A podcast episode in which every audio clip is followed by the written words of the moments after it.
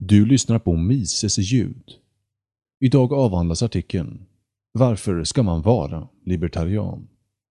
Författaren Murray Rothbard. Artikeln publicerades ursprungligen i tidskriften Libertarianskt forum och publicerades på mises.se 4 maj 2011. Inläsare Magnus hälsar dig välkommen. Vad är det för mening med att vara libertarian? Med det menar vi vad är det för mening med alltihop? Varför sysselsätta sig i ett djupt och livslångt engagemang för det principiella och målet med individuell frihet? Ett sådant engagemang i vår starkt ofria värld betyder otvivelaktigt att man är oense med och fjärmar sig ifrån status quo. En alienation som lika otvivelaktigt medför många uppoffringar i både pengar och prestige. När livet är kort och segerns ögonblick långt in i framtiden, varför ska man gå igenom allt detta? Otroligt nog har vi upptäckt att många av det växande antalet libertarianer i detta land fått sitt engagemang genom ett eller annat extremt smalt och personligt perspektiv. Många är oemotståndligt attraherade av friheten som ett intellektuellt system, eller som ett estetiskt mål. Men friheten fortsätter för dem att vara ett alena intellektuellt och mindre spel. Totalt skilt från vad de anser vara äkta aktiviteter i vardagen. Andra är motiverade att fortsätta vara libertarianer endast på grund av att de förväntar sig en egen finansiell vinst.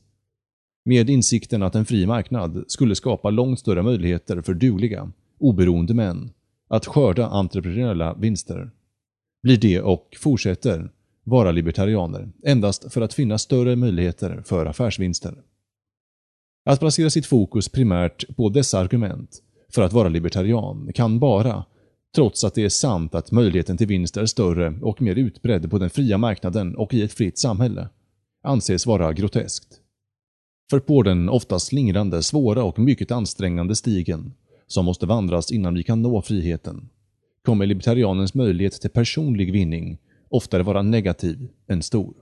Konsekvensen av det smala och närsynta synsättet hos både spekulanten och eventuella vinstskaparen är att ingen av grupperna har ett minsta intresse av arbetet för att skapa en libertariansk rörelse.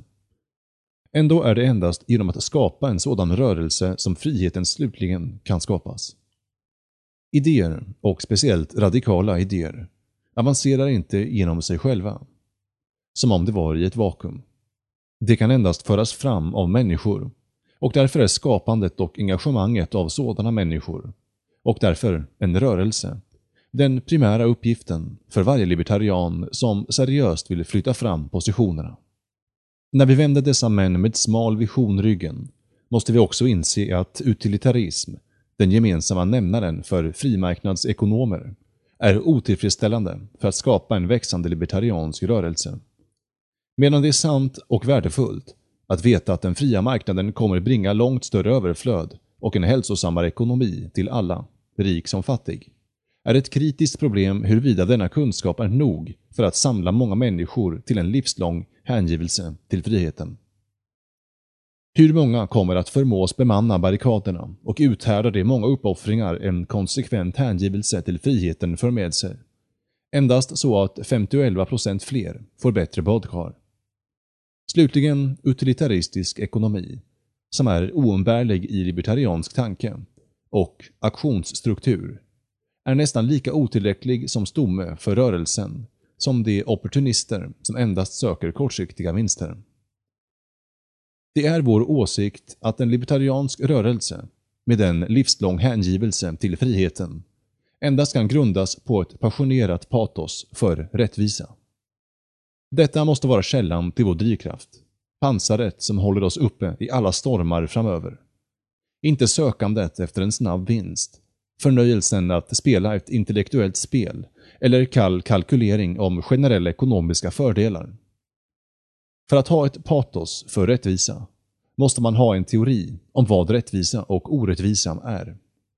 En samling etiska principer om rättvisa och orättvisa som inte kan härledas ur utilitaristisk ekonomi. Det är för att vi ser att världen stinker av orättvisor staplade på varandra till skyarna, som vi drivs att göra allt vi kan för att uppnå en värld där dessa och andra orättvisor blir utrotade.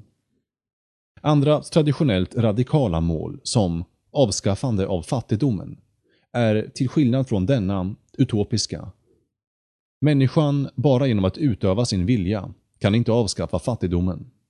Fattigdom kan endast avskaffas genom att låta vissa ekonomiska faktorer verka.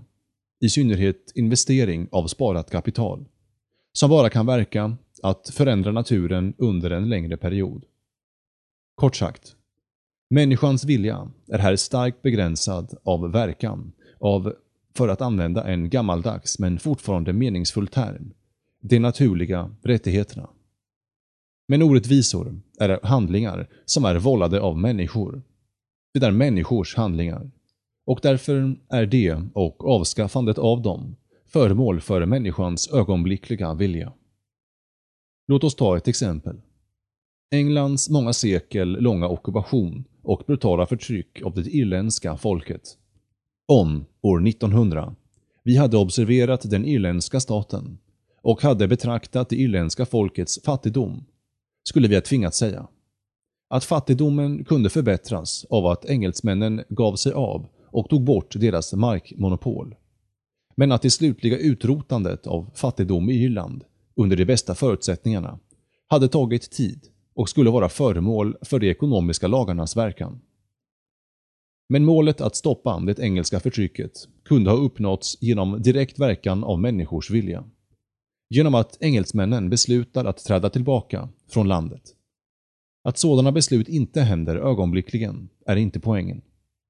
Poängen är att varje misslyckande är en orättvisa som har beslutats och ålagts av utövare av orättvisor. I detta fall den engelska staten. Inom rättfärdighetsområdet är människans vilja allt. Människor kan flytta berg, om bara tillräckligt många bestämmer så. Ett patos för ögonblicklig rättvisa, ett radikalt patos, är därför inte utopiskt, vilket en önskan om ögonblickligt avskaffande av fattigdom eller ögonblicklig omvandling av alla till konsertpianister skulle vara. Till exempel kan rättvisa uppnås om tillräckligt många människor tycker så. Ett sant patos för rättvisa måste alltså vara radikalt. Kort sagt måste det vara minst en önskan att uppnå målen radikalt och ögonblickligen. Leonard E. Reed, Foundation for Economic Educations president, uttryckte denna radikala inställning mycket träffande för 20 år sedan när han skrev en pamflett I would push the button. Problemet var vad man ska göra åt nätverket av pris och lönekontroller när det åläggs ekonomin av Office of Price Administration. De flesta ekonomiska liberaler stödde tystlåtet eller realistiskt en eller annan form av gradvis eller vacklande avreglering. Vid denna tidpunkt intog Mr Reed en enkeltydlig och radikal ståndpunkt baserad på en princip. Om det var en knapp på denna talarstol, började han sitt tal, som skulle ta bort alla löne och priskontroller direkt om jag tryckte på den, skulle jag sätta mitt finger på den och trycka. Det ultimata testet av den radikala inställningen är alltså knapptryckartestet. Om vi kunde trycka på knappen för ögonblickligt avskaffande av orättfärdiga begränsningar av friheten, skulle vi göra det. Om vi inte skulle göra det, skulle vi knappast kalla oss libertarianer. Och de flesta av oss skulle bara göra det om vi främst leds av ett patos för rättvisa. Den genuine libertarianen är alltså, i alla aspekter av ordets betydelse, en avskaffare. Han skulle, om han kunde, ögonblickligen avskaffa alla begränsningar av friheten. Oavsett om det är, i begreppets ursprungliga betydelse, slaveri, eller om det är de många andra exemplen på statligt förtryck. Han skulle med orden av en annan libertarian av liknande koppling trycka så hårt på knappen att jag får blåsor. Människans vilja är starkt begränsad av verkan av de naturliga rättigheterna.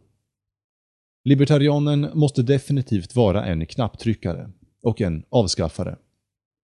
Styrkt av rättvisa kan han inte rubbas av omoraliska, utilitaristiska vädjanden om att rättvisa inte uppnås förrän kriminella är kompenserade. När den stora abolitioniströrelsen skapades i början på 1800-talet hördes snart röster om måttlighet förorda att det vore endast rätt att avskaffa slaveriet om slavägarna kompenserades ekonomiskt för deras förlust. Kort sagt skulle slavägarna ytterligare belönas, efter århundraden av förtryck och exploatering, genom hyggliga summor insamlade med tvång från massan av oskyldiga skattebetalare. Den mest träffande kommentaren om detta förslag gjordes av den engelske filosofiska radikalen Benjamin Pearson, som anmärkte att han tyckte att det var slavarna som borde kompenserats. Det är tydligt att sådan kompensation endast rättfärdigen kunde ha kommit från slavägarna själva. Antilibertarianer och antiradikaler allmänt gör karaktäristiskt poängen att sådant avskaffande är orealistiskt. Genom sådan anklagelse förvirrar det det önskade målet hopplöst med en strategisk uppskattning av det väntade resultatet. Som inramande princip är det av yttersta vikt att inte blanda ihop strategiska uppskattningar med utformningen av önskade mål. Som i det här fallet skulle vara det ögonblickliga avskaffandet av slaveri eller något annat etatistiskt förtryck. Och vi måste först rama in dessa mål utan att ta hänsyn till möjligheter att nå dem. De libertarianska målen är realistiska i betydelsen att de kan uppnås om tillräckligt många människor kommer överens om dess önskvärdhet och att det skulle frambringa en långt bättre värld om det uppnås. Målets realism kan bara utmanas genom kritik av målet självt, inte av problem om hur man ska uppnå det. Sedan, efter att vi har kommit överens om målet, ställs vi inför den helt separata, strategiska frågan om hur vi ska uppnå målet så snart som möjligt. Hur man ska bygga en rörelse för att nå det, etc. Alltså, William Lloyd Garrison var inte orealistisk när han på 1830-talet väckte det strålande förslaget om omedelbar frigivning av slavarna. Hans mål var helt korrekt och hans strategiska realism var sann i det att han inte förväntade sig att målet skulle nås så fort. Eller som Garrison själv urskilde. Vi må eftersträva omedelbart avskaffande så ivrigt vi kan. Det kommer, dessvärre, att bli gradvist avskaffande till slut. Vi har aldrig sagt att slaveri skulle avskaffas i ett slag. Att det borde, kommer vi alltid att hävda. I själva verket, ur strategisk synvinkel, är resandet av den rena och radikala principen oftast det snabbaste sättet att nå radikala mål. För om det rena målet aldrig förs fram, kommer det inte finnas kraft att driva det. Slaveriet skulle aldrig ha avskaffats överhuvudtaget om abolitionisterna inte hade drivit frågan 30 år tidigare. Och, som det hände sig, avskaffandet kom nästan i ett slag snarare än gradvis eller kompenserat. Radikala idéer kan endast föras fram av människor. Men näst kraven på strategi ligger rättvisekraven. I hans kända ledare som började The Liberator i början av 1831 tog William Lloyd Garrison avstånd från sin tidigare doktrin om gradvist avskaffande. Citat. Vi fångar denna möjlighet att skapa ett fullt och enkeltydligt återkallande och alltså publikt be Gud, mitt land och mina bröder, de stackars slavarna, om förlåtelse för att ha yttrat en åsikt så full av försagdhet, orättvisa och absurdhet.” Slutcitat. Efter att ha blivit klandrad för invand hårdhet och hetta i sitt språk svarade Garrison. Jag har behov av att vara eldfängd, för jag har berg av is inom mig att smälta. Det är denna inställning som måste märka den som är sant hängiven till frihetens bana.